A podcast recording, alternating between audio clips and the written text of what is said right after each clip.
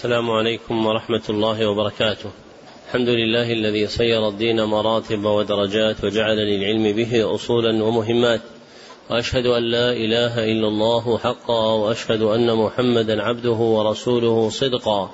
اللهم صل على محمد وعلى آل محمد كما صليت على إبراهيم وعلى آل إبراهيم إنك حميد مجيد اللهم بارك على محمد وعلى آل محمد كما باركت على إبراهيم وعلى آل إبراهيم إنك حميد مجيد. أما بعد فحدثني جماعة من الشيوخ وهو أول حديث سمعته منهم بإسناد كل إلى سفيان بن عيينة عن عمرو بن دينار عن أبي قابوس مولى عبد الله بن عمرو عن عبد الله بن عمرو بن العاص رضي الله عنهما عن رسول الله صلى الله عليه وسلم قال الراحمون يرحمهم الرحمن ارحموا من في الأرض يرحمكم من في السماء.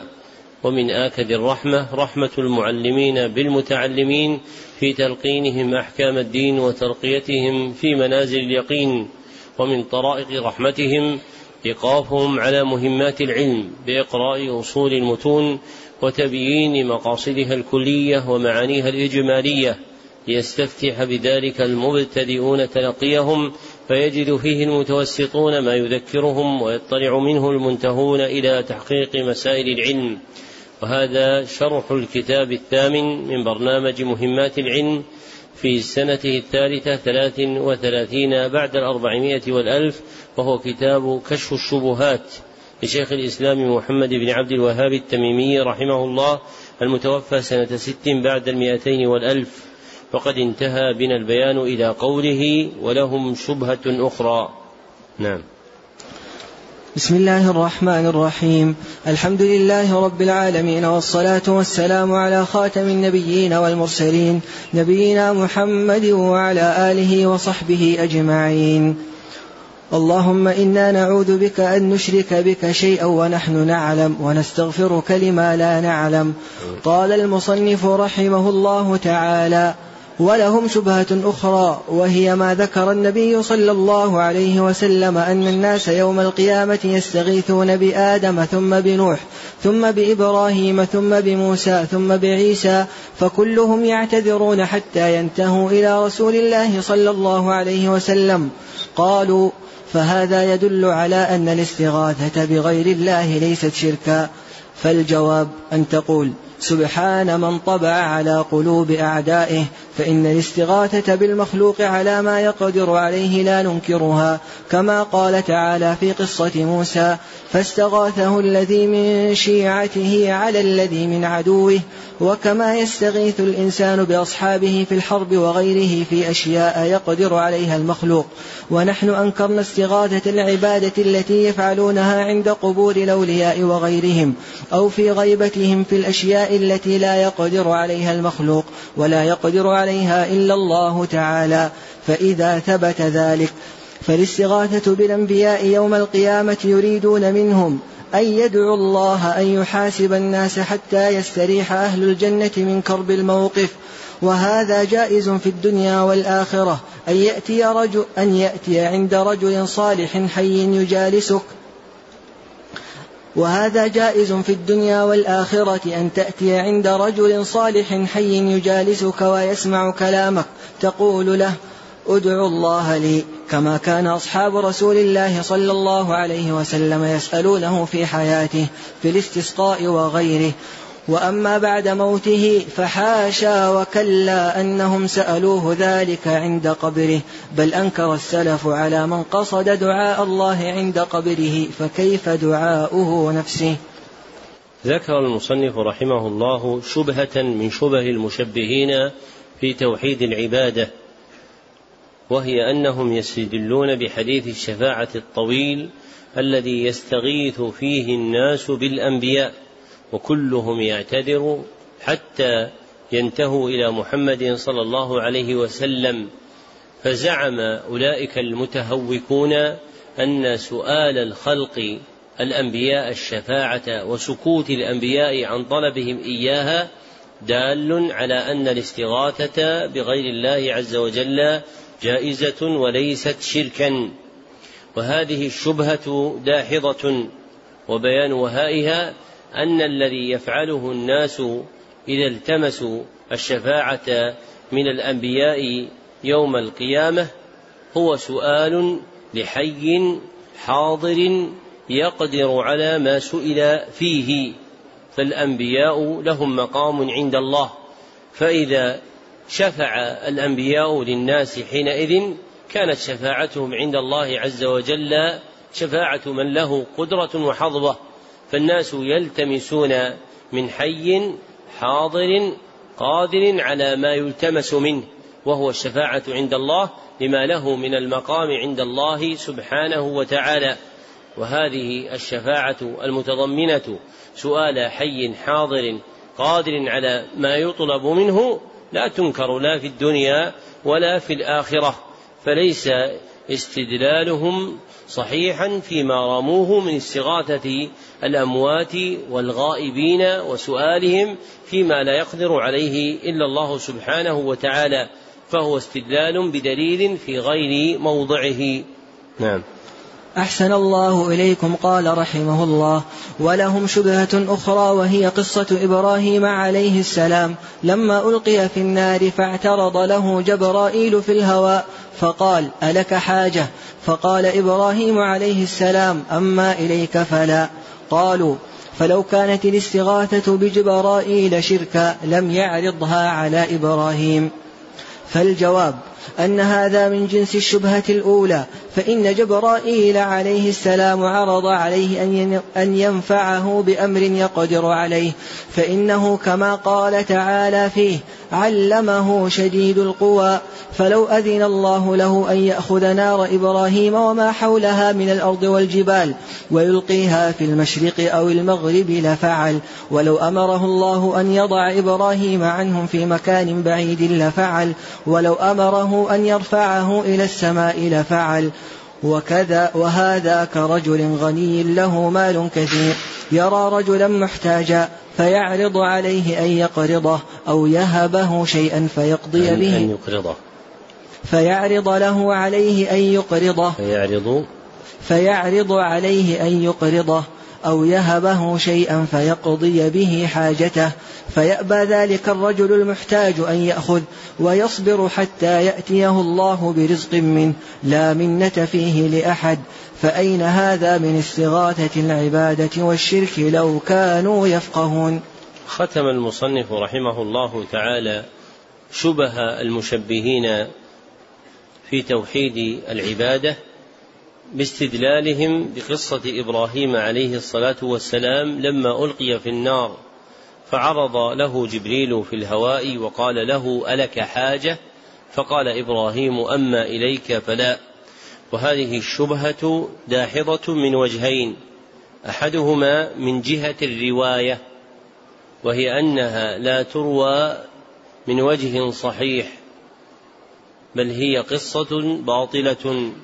أعلى ما فيها شيء يروى من المقاطع والمأثورات عن بعض من تأخر. والوجه الثاني من جهة الدراية وهي أن قول جبريل لإبراهيم عليه الصلاة والسلام ألك حاجة ليس من قبيل الاستغاثة الشركية بل عرض عليه جبريل شيئا يقدر عليه وكان جبريل حيا حاضرا. فإذا وقع مثل هذا بالشروط التي سلفت من الحياة والحضور والقدرة فحينئذ لا يكون هذا شركا. فبطلت دعوى من زعم أن جبريل عرض عليه الاستغاثة به. ولو كان شركا لم يعرض جبريل على إبراهيم ولا سكت إبراهيم عليه الصلاة والسلام على ذلك. والحق أن إبراهيم عليه الصلاة والسلام قال حينئذ ما يدل على توكله على ربه ورد الأمر إليه فقال حسبنا الله ونعم الوكيل كما ثبت في حديث ابن عباس رضي الله عنه عند البخاري أنه قال حسبنا الله ونعم الوكيل قالها إبراهيم حين ألقي في النار وقالها محمد صلى الله عليه وسلم حين قيل له إن الناس قد جمعوا لكم فالثابت فيما قاله إبراهيم حين ألقي في النار هو قوله حسبنا الله ونعم الوكيل.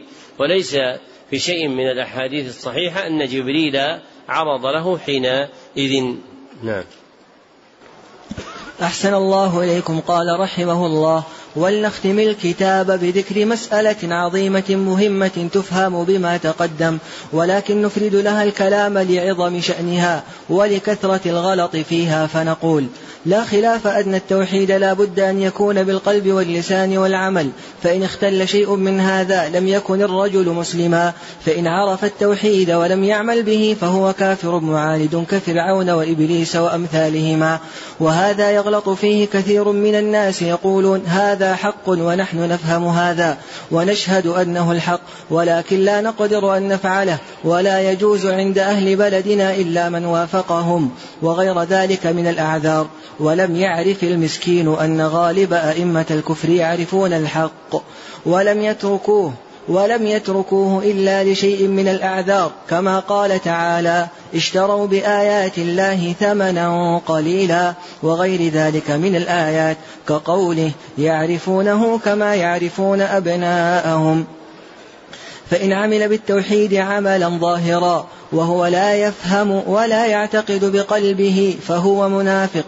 وهذا شر من الكافر الخالص وهو, وهو, شر. وهو شر من الكافر الخالص. كما قال تعالى إن المنافقين في الدرك الأسفل من النار. وهذه مسألة كبيرة طويلة. تبين لك إذا تأملتها في ألسنة الناس ترى من يعرف الحق ويترك العمل به لخوف نقص دنياه أو جاهه أو ملكه أو مداراه وترى من يعمل به ظاهرا لا باطنا فإذا سألته عما يعتقده بقلبه إذا هو لا يعرفه. ختم المصنف رحمه الله كلامه بمسألة أشار إليها بالتعظيم فقال ولنختم الكتاب بذكر مسألة عظيمة مهمة تفهم مما تفهم بما تقدم ولكن نفرد لها الكلام لعظم شأنها ولكثرة الغلط فيها. ثم بين أن التوحيد متعلق بثلاثة أجزاء هي القلب واللسان والعمل.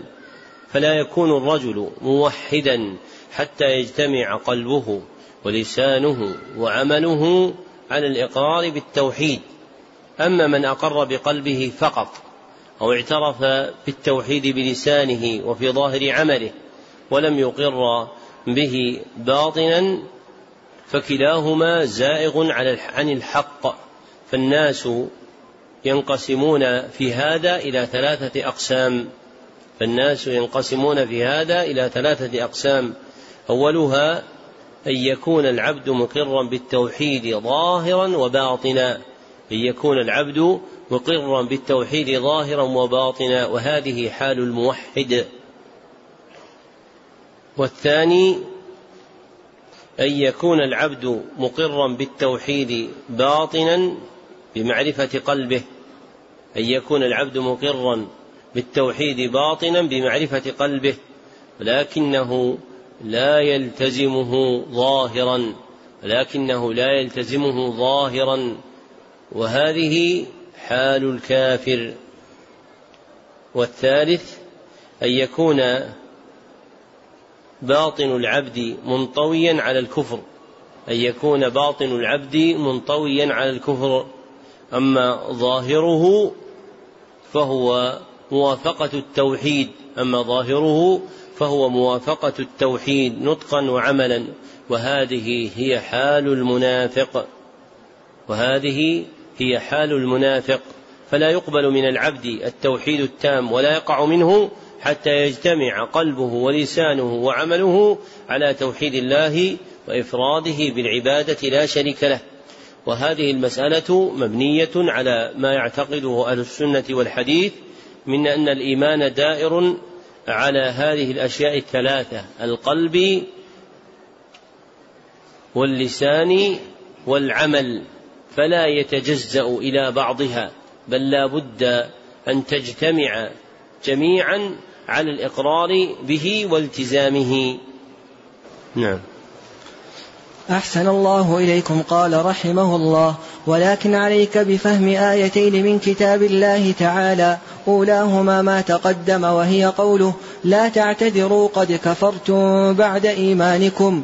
فإذا تحققت أن بعض الصحابة الذين غزوا الروم مع رسول الله صلى الله عليه وسلم كفروا بسبب كلمة قالوها في غزوة تبوك على وجه المزح واللعب تبين لك أن الذي يتكلم بالكفر أو يعمل به خوفا من نقص مال أو جاه أو مداراة لأحد أعظم من أعظم ممن يتكلم بكلمة يمزح بها. والآية الثانية قوله تعالى من كفر بالله من بعد إيمانه من كفر بالله من بعد إيمانه إلا من أكره وقلبه مطمئن بالإيمان ولكن من شرح بالكفر صدرا.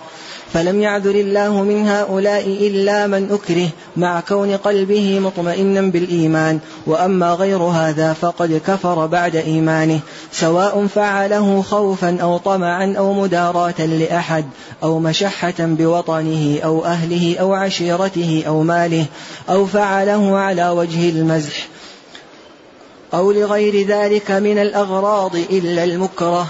والآية تدل على هذا من من جهتين. الأولى قوله إلا من أكره فلم يستثن الله إلا المكره. ومعلوم أن الإنسان لا يكره إلا على العمل أو الكلام. وأما عقيدة القلب فلا يكره أحد عليها. الثانية قوله تعالى ذلك بأنه مستحب الحياة الدنيا على الآخرة فصرح أن هذا الكفر والعذاب لم يكن بسبب الاعتقاد والجهل والبغض للدين أو محبة الكفر وإنما سببه أن له في ذلك حظا من حظوظ الدنيا فآثره على الدين. والله أعلم.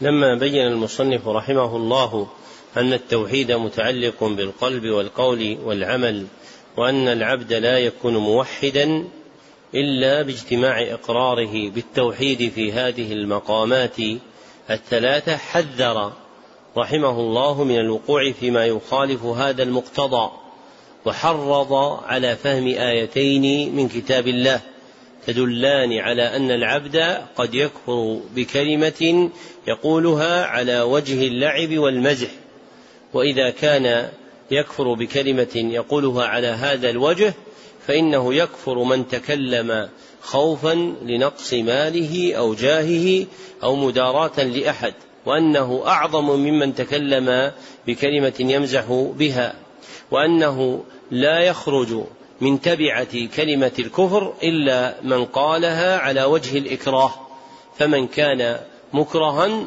لم تكن حاله كحال غيره. لما في الإكراه من الإرغام. فإن الإكراه فإن حقيقة الإكراه إرغام العبد على ما لا يريده. فإذا أكره العبد كان معذورا غير أن ذلك مشروط ببقاء طمأنينة قلبه بالإيمان. ببقاء طمأنينة قلبه بالإيمان. أما من أكره فتكلم بكلمة الكفر واطمأن قلبه إليها فإنه لا ينفعه حينئذ عذر الإكراه لأن الإكراه لا يكون على عقيدة الباطن وإذا وجد طمأنينة القلب إلى كلمة الكفر التي تكلم بها وزعم أنه مكره فإنه كاذب في دعواه فإن الإكراه لا يصل إلى الباطن وإنما يتعلق بالظاهر. ولذلك قال الله عز وجل إلا من أكره وقلبه مطمئن بالإيمان. فمتى وجد وجدت الطمأنينة إلى الإيمان؟ كان الإكراه عذرا وإن زالت طمأنينة قلبه إلى الإيمان واطمأن إلى كلمة الكفر فقد وقع في الكفر. ثم نبه المصنف إلى قاعدة عظيمة إذ قال ومعلوم أن الإنسان لا يكره إلا على العمل أو الكلام وأما عقيدة القلب فلا يكره أحد عليها فمحل قبول الإكراه هو في الأقوال والأعمال لأنها هي الظاهرة التي تبدو للمكره وهي التي يطالب بها وتقبل من المكره وأما العقائد الباطنة فإنه لا يطلع عليها المكره ولا يتحول عنها المكره إلا بعد زيغ قلبه فإذا تحول عنها ولم يكن قلبه مطمئنا بالإيمان فإنه قد فإنه يكون قد وقع في الكفر وخرج من عذر الإكراه. وهذا آخر شرح هذا الكتاب على نحو مختصر يبين مقاصده الكلية ومعانيه الإجمالية. اللهم إنا نسألك علما في المهمات ومهما في المعلومات وبالله التوفيق. اكتبوا وثيقة سماعه.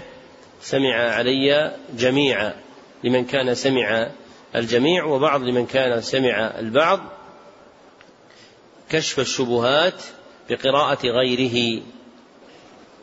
بقراءة غيره. صاحبنا يكتب اسمه يكتب أحدكم اسمه كاملا. فتم له ذلك. في ثلاثة مجالس فتم له ذلك في ثلاثة مجالس بالميعاد المثبت في محله من نسخته. وأجزت له روايته عني إجازة خاصة من معين بمعين في معين بإسناد المذكور في منح المكرمات إجازة طلاب المهمات والحمد لله رب العالمين. بعض الإخوان يقول القراءة ما تغني عن الإجازة الإجازة عند المتأخرين جابرة للقراءة لأنه أحيانا قد تختلف النسخ أو يترك القارئ شيئا مثل قارئنا الليلة قال هذا جواب سديد وبقيت كلمة جيد بينهما هذا جواب جيد سديد. فلأجل درء هذا النقص تذكر الإجازة. اكتبوا وكتبه صالح بن عبد الله بن حمد العصيمي ليلة الثلاثاء ولا الاثنين؟ ثلاثاء غرت ولا ثلاثين؟ ثلاثين. السبت يوم خمسة. واحد. غرة غرة شهر ربيع الأول أو واحد يعني غرة أو غرة شهر أو واحد من شهر ربيع الأول سنة ثلاث وثلاثين بعد أربعمائة والألف في المسجد النبوي بمدينة الرسول صلى الله عليه وسلم.